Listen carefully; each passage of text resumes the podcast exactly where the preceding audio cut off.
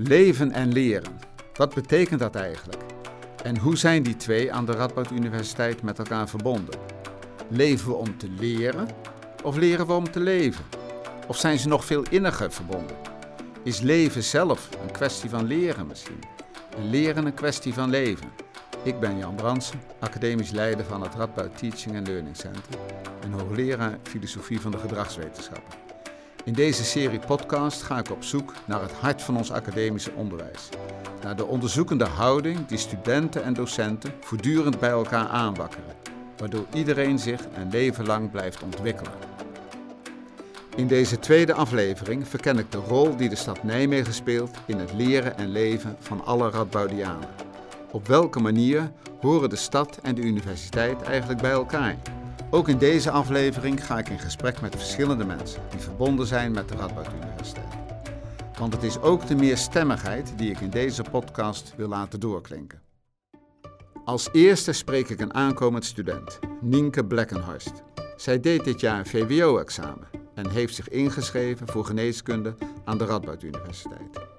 Ze vertelt ons over waarom zij voor de Radboud Universiteit heeft gekozen ik ben eerst wezen kijken bij uh, meerdere studies. Eigenlijk de allereerste open dag waar ik naartoe ben geweest was in Nijmegen. Maar dat was niet voor uh, geneeskunde, maar voor tandheelkunde. En ja, het is gewoon zo raar. Maar de eerste keer dat ik daar was, ik, uh, ik was met mijn vader. En toen gingen we ook rondlopen. En ja, het was gewoon alsof ik daar al helemaal thuis was. En we zijn het Erasmusgebouw, zijn we helemaal naar boven gegaan met de lift. Ik voelde gewoon een heel groot verschil al eigenlijk. Uh, met, ja, ik voelde me echt heel fijn, de sfeer in Nijmegen. Dus ja, dat was de eerste waar ik ooit ben geweest. En ik had eigenlijk meteen al een heel goed gevoel daar. Ja, ik voelde, ik voel me er wel echt op mijn plek hoor. Nee, ja, dat is best wel bijzonder eigenlijk. Ik heb dat gevoel niet uh, heel vaak of zo. En bij bijvoorbeeld Maastricht had ik gewoon, ja, de studie zelf vond ik ook heel leuk daar. En het lijkt ook een beetje op Nijmegen wel met uh, coachgroepen. Alleen gewoon puur het gevoel van daar zo ja, rondlopen en gewoon de mensen die om je heen hebt. Ik weet niet, maar gewoon ik had zo'n goed gevoel. Ik vond bij uh, Nijmegen, ik vond het heel erg fijn dat je, um, ja, dat heet self-directed learning. Dat spreekt me heel erg aan, omdat ik ja, op de middelbare school en basisschool heb ik altijd een beetje gewoon het idee van, ja, het onderwijs wordt eigenlijk aangeboden voor ja, een bepaald type leerling die zo zou kunnen leren. Dus ik vind het heel fijn dat je aan de Radboud wat meer vrijheid krijgt om ja, je eigen manier te ontdekken van leren. En dat je alsnog van docenten uh, colleges krijgt en je zit in een groep waar je uh, kan overleggen met andere leerlingen.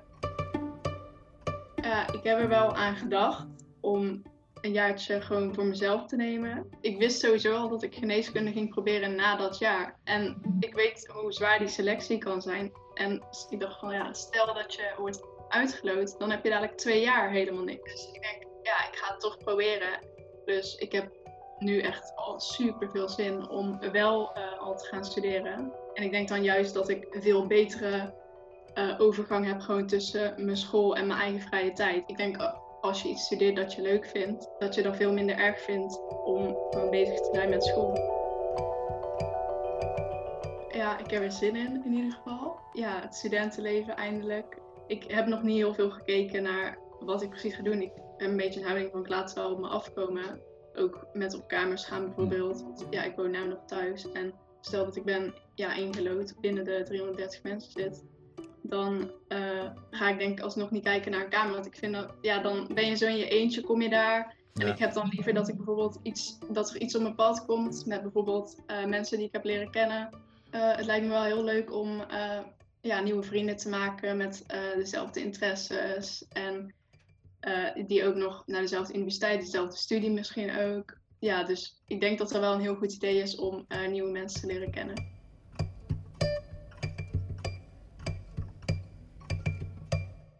Nienke is dus een aankomende student die nog van alles te ontdekken heeft over de universiteit en over Nijmegen. Ik ben ook wel benieuwd wat iemand te vertellen heeft die juist al veel langer aan de universiteit verbonden is en die heel veel weet over de geschiedenis van de universiteit. Daarvoor spreek ik met Jan Brabers, onze universiteitshistoricus.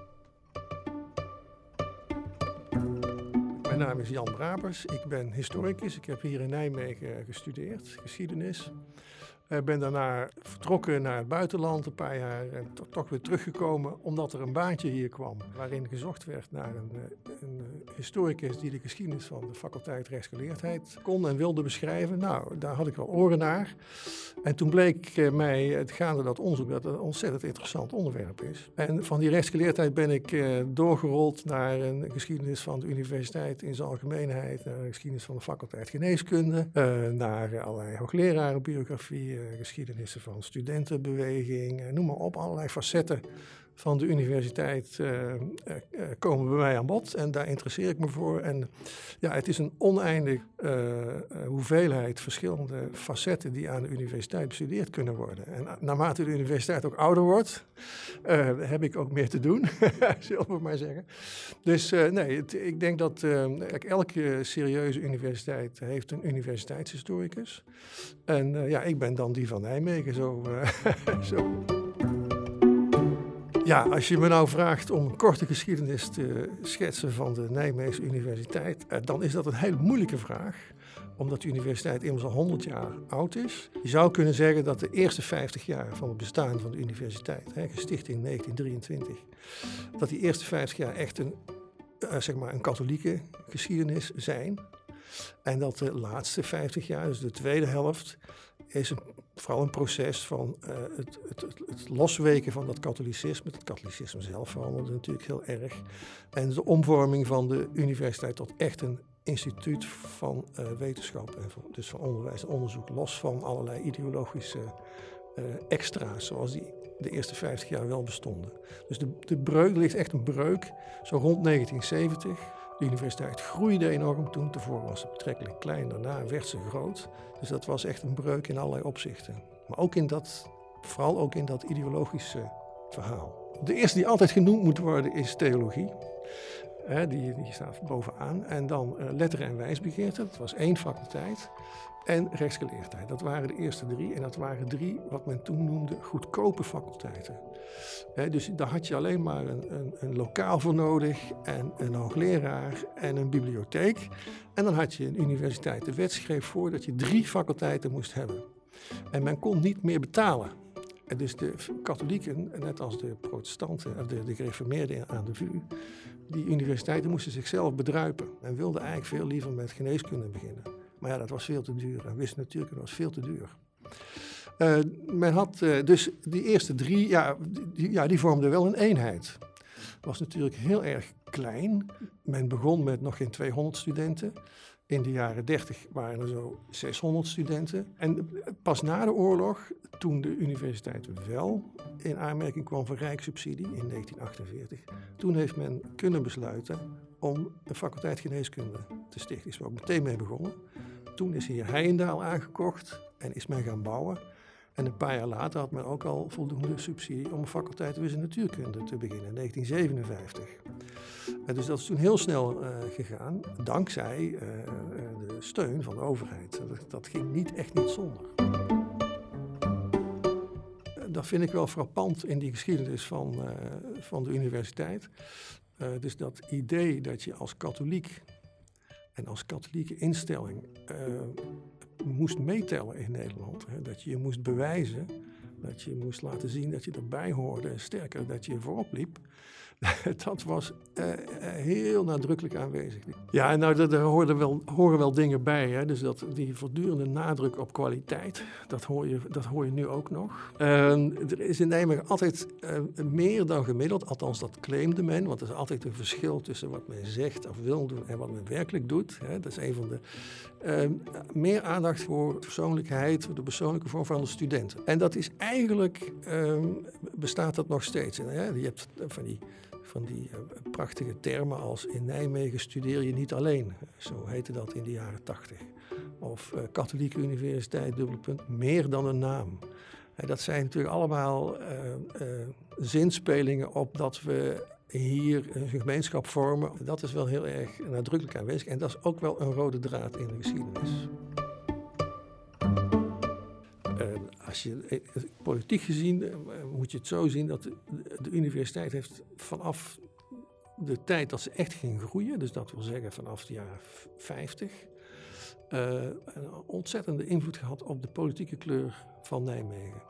Dus aanvankelijk was hij natuurlijk heel erg katholiek. Toen de massa studenten kwam en bijna van het ene op het andere moment van rooms naar rood kleurde, en die universiteit zeg maar een marxistisch of in ieder geval links aura meegaf. Toen veranderde ook de kleur van Nijmegen. Je hebt de Monnikendam aan de Waal, maar tegenwoordig Havana aan de Waal. Ja, dat is nogal een verschil.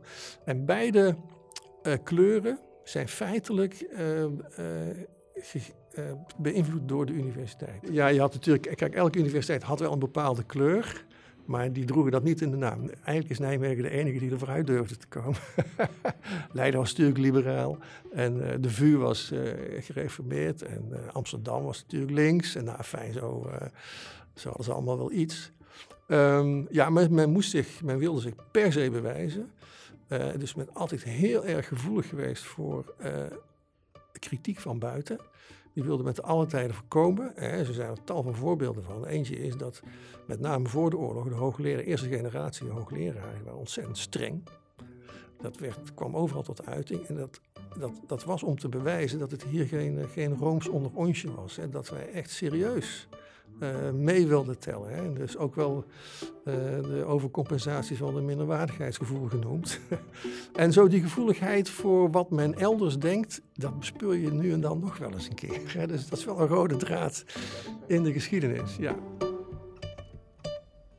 Als het gaat om de relatie tussen universiteit en stad, en uh, dat, dat, is natuurlijk ook een hele, hele oude relatie. Hè. Nijmegen heeft behoorlijk wat over gehad om de universiteit binnen de poorten te krijgen. Er was een flinke concurrentiestrijd met andere steden.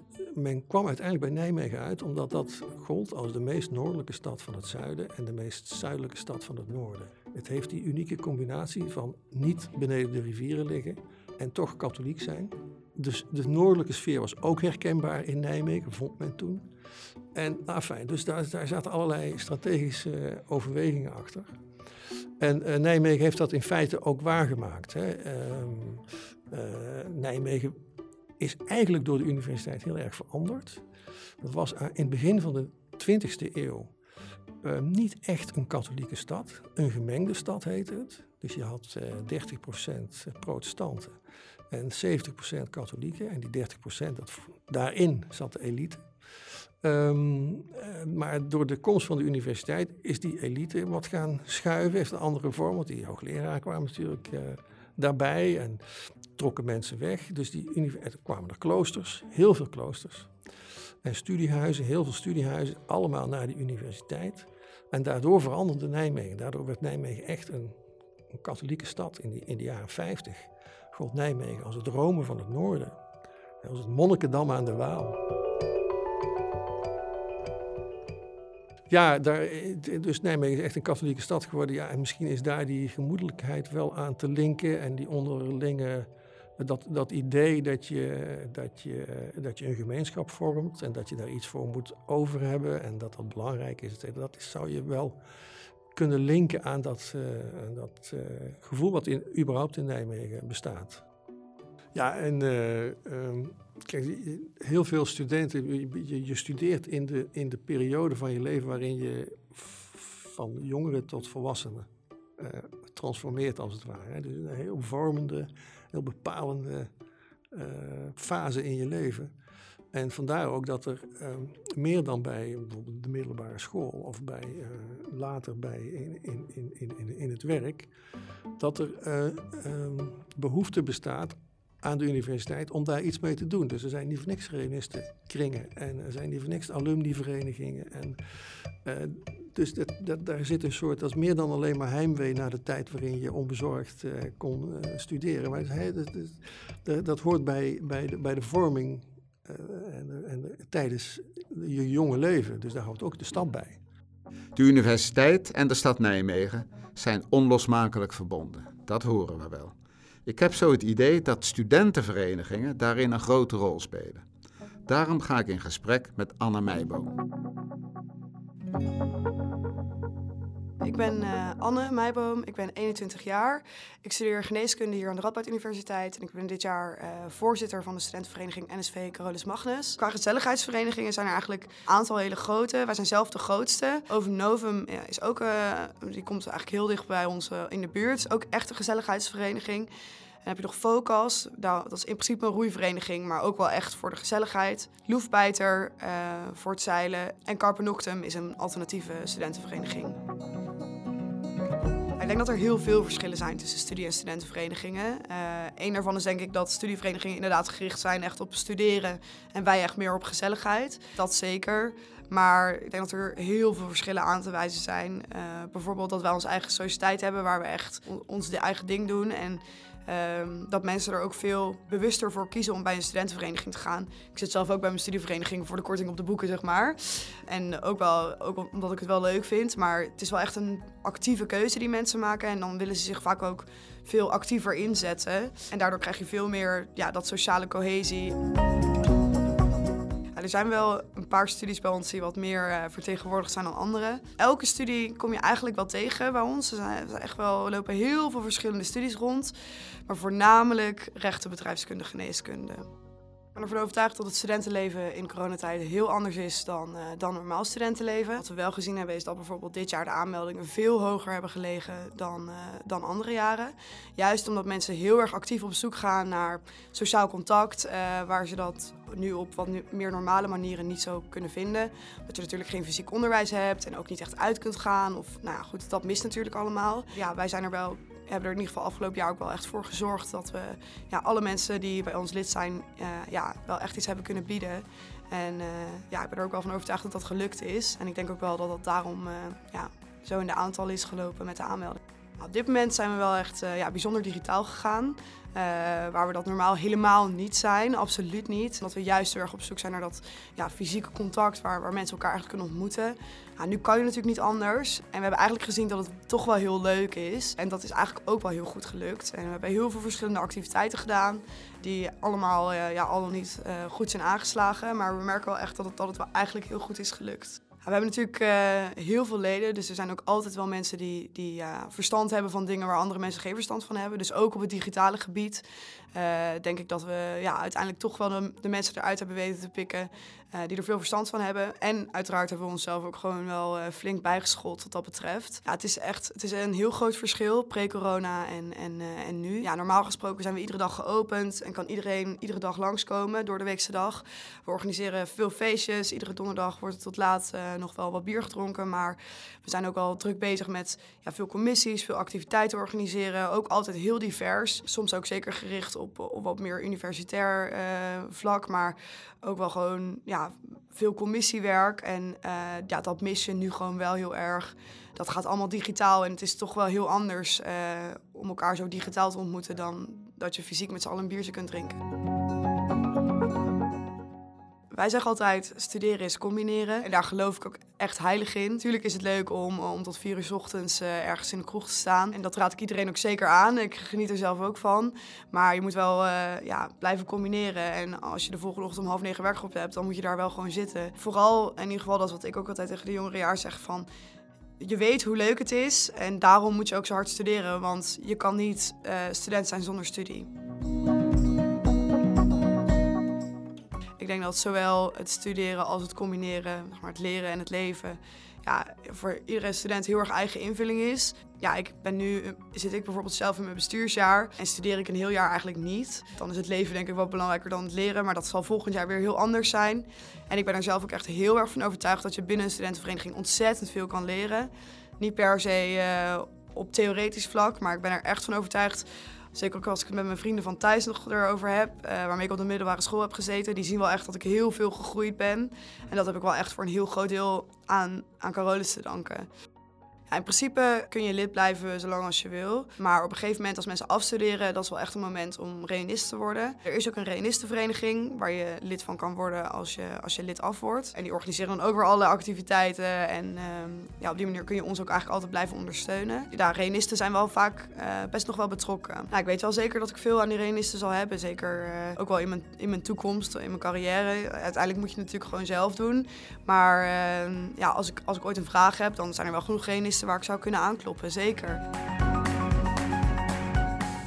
Ja, er is een, een overkoepelende uh, vereniging voor. Uh, het BOS is dat bestuurlijk overleg studentenverenigingen. En dat zegt de, ja, de, de connectie tussen de universiteit en de gemeente. We hebben zelf ook goed contact met de universiteit en de gemeente. Maar via hen kunnen we onszelf wat meer verenigen. En dat gaat bijvoorbeeld ook over de introductieweken. Hoe waar we dan onszelf kunnen laten zien, zo'n introductiemarkt, dat soort dingen. Ja, we hebben altijd eigenlijk heel goed contact uh, met de gemeente over alles. En we hebben eigenlijk nog nooit uh, voor geluidsoverlast gezorgd. Er eigenlijk helemaal geen probleem mee. Ben er wel echt van overtuigd dat Carolus iets heel Nijmeegs is. Juist ook omdat al onze studenten eigenlijk wel op kamers zitten in Nijmegen, ook nu. Merk je dat iedereen zich heel erg hier naartoe trekt om toch ja, graag mensen te ontmoeten uh, op in ieder geval een veilige manier. En wij zijn ook wel echt heel erg verbonden aan de stad Nijmegen aan zich. Niet alleen in onze naam natuurlijk, maar ook wel uh, echt in, in hoe we doen. Dingen als de Vierdaagse feesten zijn we altijd echt ontzettend enthousiast in. Organiseren we zelf ook iedere dag uh, feest en de lopers uitzwaaien. En ja, dat zit er wel echt in. Ik denk dat al onze leden heel veel hart voelen voor deze stad. Ik denk dat het voor heel veel studenten ja, een heel eigen keuze is geweest om in Nijmegen te gaan studeren. Ik heb zelf bijvoorbeeld meer voor de studie gekozen uh, en voor de decentrale selectie. Maar er zijn ook mensen die wel echt voor Nijmegen kiezen, omdat ze dat een hele leuke studentenstad vinden. Maar ik denk dat als mensen hier eenmaal zijn komen te wonen en ze hier een tijdje rondlopen, dat ze dan het studentenleven zo leuk vinden. Ja, ik ga ook wel echt met zoveel plezier terugkijken op deze tijd. En ja, dan is Nijmegen toch wel echt daar ja, onlosmakelijk mee verbonden. Studeren is combineren, volgens Anne. Mooi gezegd. Daarvoor hoef je natuurlijk niet beslist lid te worden van een vereniging. Er zijn ongetwijfeld een hele hoop andere dingen die studenten in de stad naast hun studie kunnen doen. En dan denk ik niet alleen aan uitgaan, hoewel je daar misschien wel in eerste instantie aan zou denken als ik je vertel dat ik ben gaan praten met de vorige nachtburgemeester van Nijmegen. Dat is Hendrik Jan Derksen.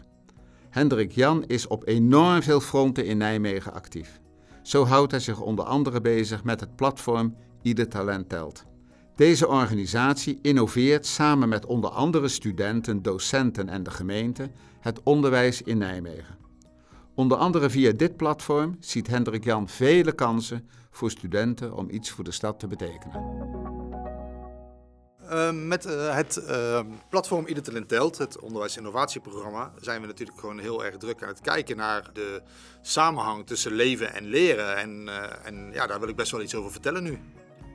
De meeste mensen die bij Ieder Talent Telt actief zijn, zijn mensen die voor een deel ook zeg maar, werkzaam zijn in het onderwijsveld. Maar daarnaast dus ook heel veel studenten en scholieren zijn betrokken. En we hebben daar mensen die in de eerste ring zitten, dus de mensen die direct binnen Ieder Talent Telt heel veel dingen doen.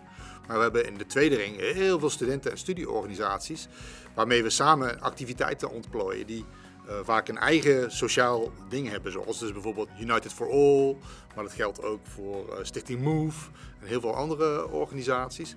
Uh, die allemaal ook in, inzet plegen voor ieder talent telt, maar vanuit hun eigen habitat. Dus dat hebben we eigenlijk allemaal door elkaar. We merken al, al heel lang in, in, Nijmegen eigenlijk dat de gemiddelde de, uh, vrijwilliger en de gemiddelde student ook minder uren de tijd heeft zeg maar, om ergens in te steken. En dat is eigenlijk een beweging die al heel lang gaande was. Daar is onder andere Diogenes aan onderdoor gegaan al, uh, al heel lang geleden. Maar ik moet zeggen, dat zijn wel mooie dingen in, over in ontwikkeling. Ik, ik, ben best lang bezig al met vrijwilligersbeleid bij organisaties in, uh, op verschillende plekken. En we merken dat het ook voor een deel de inzet, de vrijwillige inzet, niet per se minder moet. Uh, of dat het niet erg is dat het minder is, maar dat zeg maar, de manier waarop er ingezet wordt uh, ook echt aan verandering toe is. Dus dat wil zeggen, studenten hebben ook geen zin en geen tijd vaak om elke week op hetzelfde tijdstip uh, in een bejaardenhuis dingen te doen. Dus dat wil zeggen dat je, als je zaken op een andere manier organiseert, zoals bijvoorbeeld op eventniveau, dan zijn er juist superveel mensen te vinden. Een voorbeeld is bijvoorbeeld Club Goud. Dat is een, een organisatie in Nijmegen die jongeren bindt aan, aan ouderen in verpleeghuizen. En die hebben het voor elkaar gekregen om door die omkering te maken naar we gaan events organiseren in verpleeg- en bejaardenhuizen. Juist heel veel studenten daar wel aan te koppelen.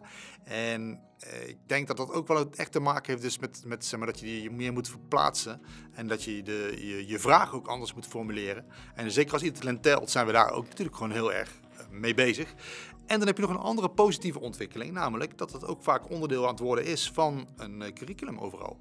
Dus dat geldt voor, voor een heel aantal studierichtingen waar gewoon een 100 uur vrijwilligerswerk of in ieder geval maatschappelijke inzet wordt verlangd. Dus daar kun je ook gebruik van maken. En op die wijze zijn we natuurlijk wel met ieder talent telt ook met heel veel dingen bezig. Zowel bij de RU als ook bij de HAN, bijvoorbeeld bij social work. Ja, worden dat soort zaken ook echt, echt van je verlangd. Dus dat is een ontwikkeling die mits je dat op een goede manier aanpakt, juist eigenlijk zorgt voor meer effectieve inzet van vrijwilligers en studenten die iets willen betekenen. Ja, ik, ik, merk dat we, ik merk dat, we, dat het echt niet per se een probleem is om, uh, om, betrokken studenten te vinden op de universiteit. Dat was altijd al zo ten tijde van Diogenes. En ik merk dat dat nu ook gewoon zo is. En dat is uh, intrinsiek vanuit studenten zelf, die vaak meekrijgen dat je ook wat moet doen voor je omgeving. Maar ook zeker support door uh, de verschillende faculteiten. Wij doen heel veel samen met, met, met de pedagogische faculteit. Ja, daar hoort het er ook echt bij. En ik merk dat ook zeker bestuurders, en zeker ook bijvoorbeeld uh, jullie bestuurder Han uh, van Krieken, hier ook echt een, uh, een, het belang van ziet. Zeg maar. En bijvoorbeeld als je kijkt naar hoe Honors nu bij jullie in elkaar steekt, ja, dan is dat veel meer gericht op hoe kan je op mensen die een bijdrage kunnen en willen leveren op onze samenleving in plaats van individuele ontplooiing. Dus ik merk dat, dat ja, de hele universiteitsbreedte ook daadwerkelijk wel een richting is die gegeven wordt. En dat, ja, daar ben ik heel blij mee, ook als Nijmegen supporter, maar ook als supporter van samen leren, samen leven. Als uh, nachtburgemeester heb je zeker ook met studieverenigingen te maken. Uh, ook omdat er natuurlijk studieverenigingen zijn die voor een deel ook het nachtleven vormgeven. Hè? Maar zeker ook omdat het sociale aspect daar een rol speelt. Dus dat wil zeggen dat bijvoorbeeld de Geitwolle Sok of noem het maar hè? andere, andere sociëteiten zich ook graag bezighouden met ja, een stukje verheffing en een stukje um, stimuleren van samenhang. En ook juist het betrekken van, van, van de stad. En daar hoort ook het nachtleven bij. En ook zeg maar de iets minder positieve kant van het nachtleven. Dus dat is eigenlijk ook altijd al zo. Dus dat, dat, ik merk dat die inzet er nog steeds is. En daar zijn we ook heel blij mee. En ook bij Ieder Telt merken we datzelfde ook. De, de ontwikkeling van de Vierdaagse feesten en van de zomerfeesten, hè, de namen zijn, eh, zijn wisselend.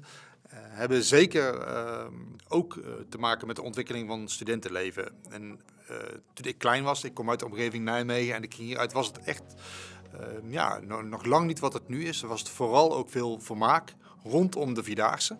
En eigenlijk zeg maar, zijn er verschillende ontwikkelingen geweest, waar bijvoorbeeld het voornoemde Diogenes een heel belangrijke rol in heeft gehad. Toen een rodeo heette, is bijvoorbeeld het ontstaan van ehm, het Valkhof Festival. De Valkhof-affaire, ook verschillende namen gehad. Maar zeker ook Havana aan de Waal uh, aan de overkant. Dus het feit dat Nijmegen echt op een andere wijze een festivalstad is geworden... met heel veel mini-festivals mini binnen Nijmegen.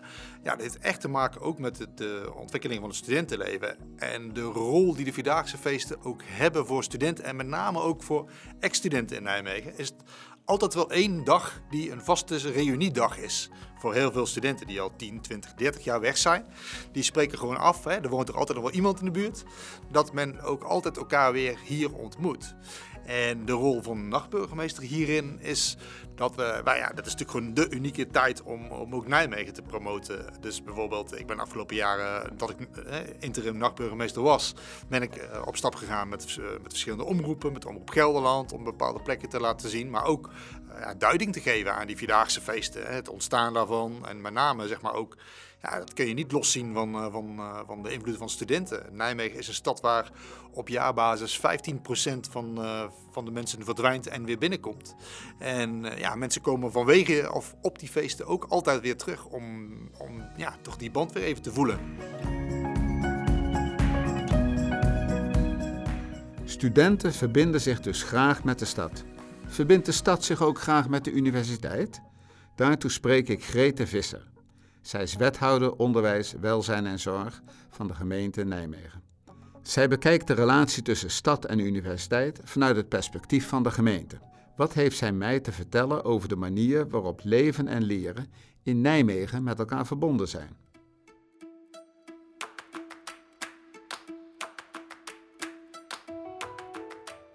Ik ben ontzettend blij dat ik wethouder kan zijn in een stad waar al het onderwijs wat je, je kunt bedenken uh, ook aanwezig is. Dus ik vind het heel mooi dat we hier al op de kinderopvang beginnen met voor een vroegschoolse educatie. Allemaal spelende wijs, niet om kinderen meteen al te leren lezen, maar gewoon om ze wel te leren spelen en om vroegtijdig ook wat extra te kunnen bieden als je merkt dat kinderen dat nodig hebben. Dan hebben we natuurlijk de kinderopvang, dan hebben we uh, de basisscholen, hebben voortgezet onderwijs, alle smaken en alle markten. En dan kun je gewoon naar het ROC, je kunt naar de Helicon, je kunt naar de Han en je kunt naar onze universiteit. Dus hier zit een hele blije wethouder uh, aan deze tafel.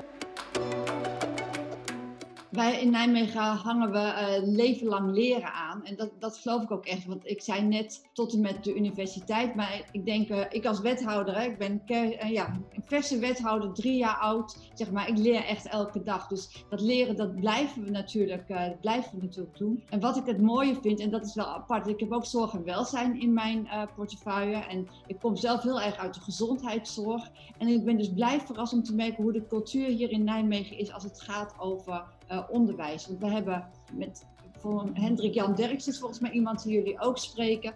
Dat is nu uh, de aanvoerder van uh, een club die zich Ieder Talent Telt noemt. Ja. En daar hebben we bestuurlijke broedplaatsen. Dus dan zit ik met de bestuurder van de kinderopvang en met de bestuurder Han van Krieken van de universiteit en met iedereen daartussen. Zit ik eens in de zes weken met mijn ogen dicht te visualiseren hoe we een gelukkig kind uh, ons visualiseren hier in Nijmegen. En wanneer, wanneer kun je dan leren? En ieder talent telt. Dus uh, hoe kunnen we kinderen, maar ook grote mensen en statushouders en iedereen nieuwsgierig maken? En hoe kunnen we dan inspelen op de passie die ieder mens heeft? Ja, ik vind de cultuur in de uh, gezondheidszorg echt wel anders. In het begin dacht ik dat is hetzelfde als bij onderwijs. Uh, maar dat vind ik dus uiteindelijk niet zo. Dat hoor ik wel van mijn collega-wethouders uit andere gemeenten.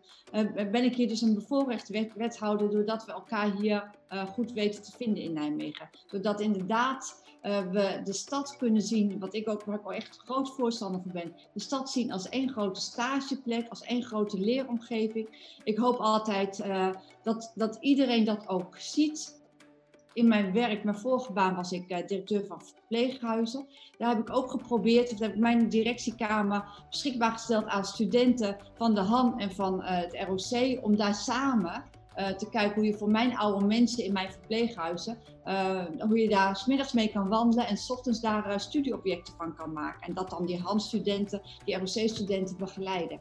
En ik denk dat is belangrijk en daar moet de universiteit ook aan meedoen. Maar volgens mij gebeurt dat. En even wat betreft mijn visie, en dat is ook de visie die gedeeld wordt, is dat ik graag zo normaal mogelijk ieder kind wil benaderen. Dus zorg in scholen, wat mij betreft ingrijpen als het echt niet anders kan. Maar verder ook mensen laten zijn wie ze zijn en de mallen wat ruimer maken. En daar vind ik de bestuurders van al die zorg uh, en al die uh, onderwijsinstellingen aan mijn zij om zoveel mogelijk iedereen um, een plekje in deze mooie stad te gunnen.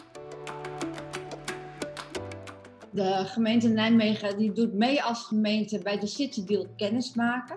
En dat is een uh, landelijk aangezwengeld groot project waar we al jaren aan meedoen. En dat is bedoeld om de universiteitsstudenten samen met de handstudenten, samen met de MBO-studenten te laten kijken naar maatschappelijke vraagstukken die er in een gemeente leven. Dus dat doen we hier in Nijmegen ook, zitten die kennis maken. Dan zit ik ook weer met de bestuurders van de universiteit en van het ROC, van de Helicon en van de HAN bij elkaar om te kijken van oké, wat zijn nu de maatschappelijke vraagstukken, bijvoorbeeld in een bepaalde wijk. Hoe kan eh, dan de universiteit daar onderzoek op doen? Hoe kunnen de handstudenten daar mooie programma's uh, van aanpak van maken en hoe kunnen de ROC-studenten dat dan uitvoeren? En die samenwerking, uh, die zoeken we echt bewust op.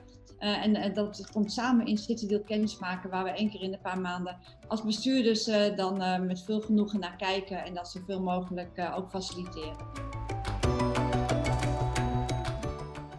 Het maakt natuurlijk heel erg uit voor een stad ehm, dat daar eh, elke, uh, elk jaar in augustus uh, allerlei groepen studenten door een stad heen fietsen. Die elk terras ja, voor een, een, een ander mens eigenlijk gewoon onaantrekkelijk maakt. Dat schuurt wel eens. en dat, dat, in Nijmegen heb je best wel veel mensen die kamerbewoning een punt vinden omdat zo'n huis uh, dan er toch net iets anders uitziet met heel veel fietsen, uh, heel veel vuilnis. En ik denk dat die, uh, die balans zoeken. En, uh, maar vooral met elkaar in gesprek blijven van hoe houden we het voor iedereen leefbaar, hoe houden we het voor de studenten leuk en hoe houden we het ook voor hun buren gezellig. Dat, is wel, dat zijn de uitdagingen. En ik denk wel, ik vraag altijd wel van de Nijmegenaren van jongens, jullie wonen dus in een studentenstad. Geniet alsjeblieft van de mooie, nieuwsgierige jonge mensen uh, die de stad elk jaar weer komen verrijken. Natuurlijk is het fijn om uh, mensen die hoog opgeleid zijn, maar ook, of ik zeg, ik praat zelf altijd over theoretisch opgeleid zijn, maar ook mensen die uh, uh, wat minder theoretisch opgeleid zijn.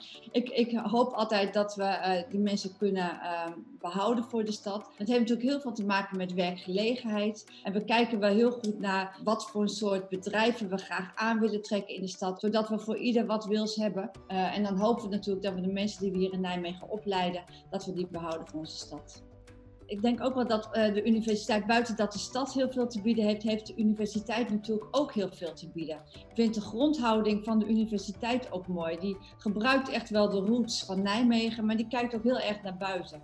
Dus, uh, en die is ook, zijn ook heel erg bereid om samen te werken met, met anderen.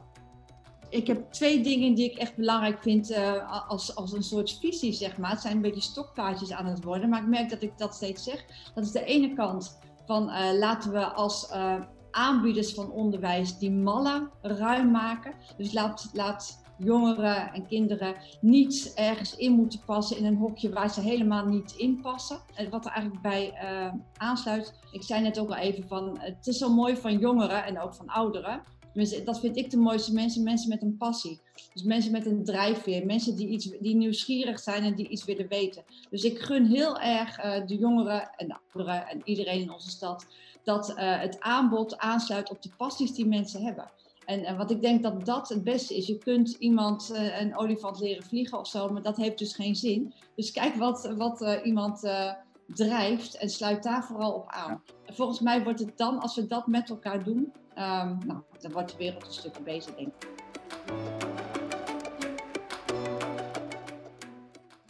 Als ik luister naar de verhalen van deze vijf mensen, dan zie ik dat leven en leren op de Radboud Universiteit onlosmakelijk verbonden is met de stad Nijmegen. Volgens mij heeft de stad veel zorg en liefde voor de studenten en voor de universiteit. En als ik goed geluisterd heb, dan is de liefde wederzijds. Er wordt gelet op elkaar, bijvoorbeeld binnen de studentenvereniging, maar ook van jongs af aan vanuit de gemeente en vanuit maatschappelijke organisaties en initiatieven, zoals Ieder Talent Telt. Het hoort bij onze geschiedenis, sinds het eerste begin. En ieder jaar wordt deze band tussen stad en universiteit door nieuwe studenten herontdekt. Dit was de tweede aflevering van de podcast Leven en Leren aan de Radboud Universiteit. In de volgende aflevering ga ik op zoek naar het Radboud gevoel.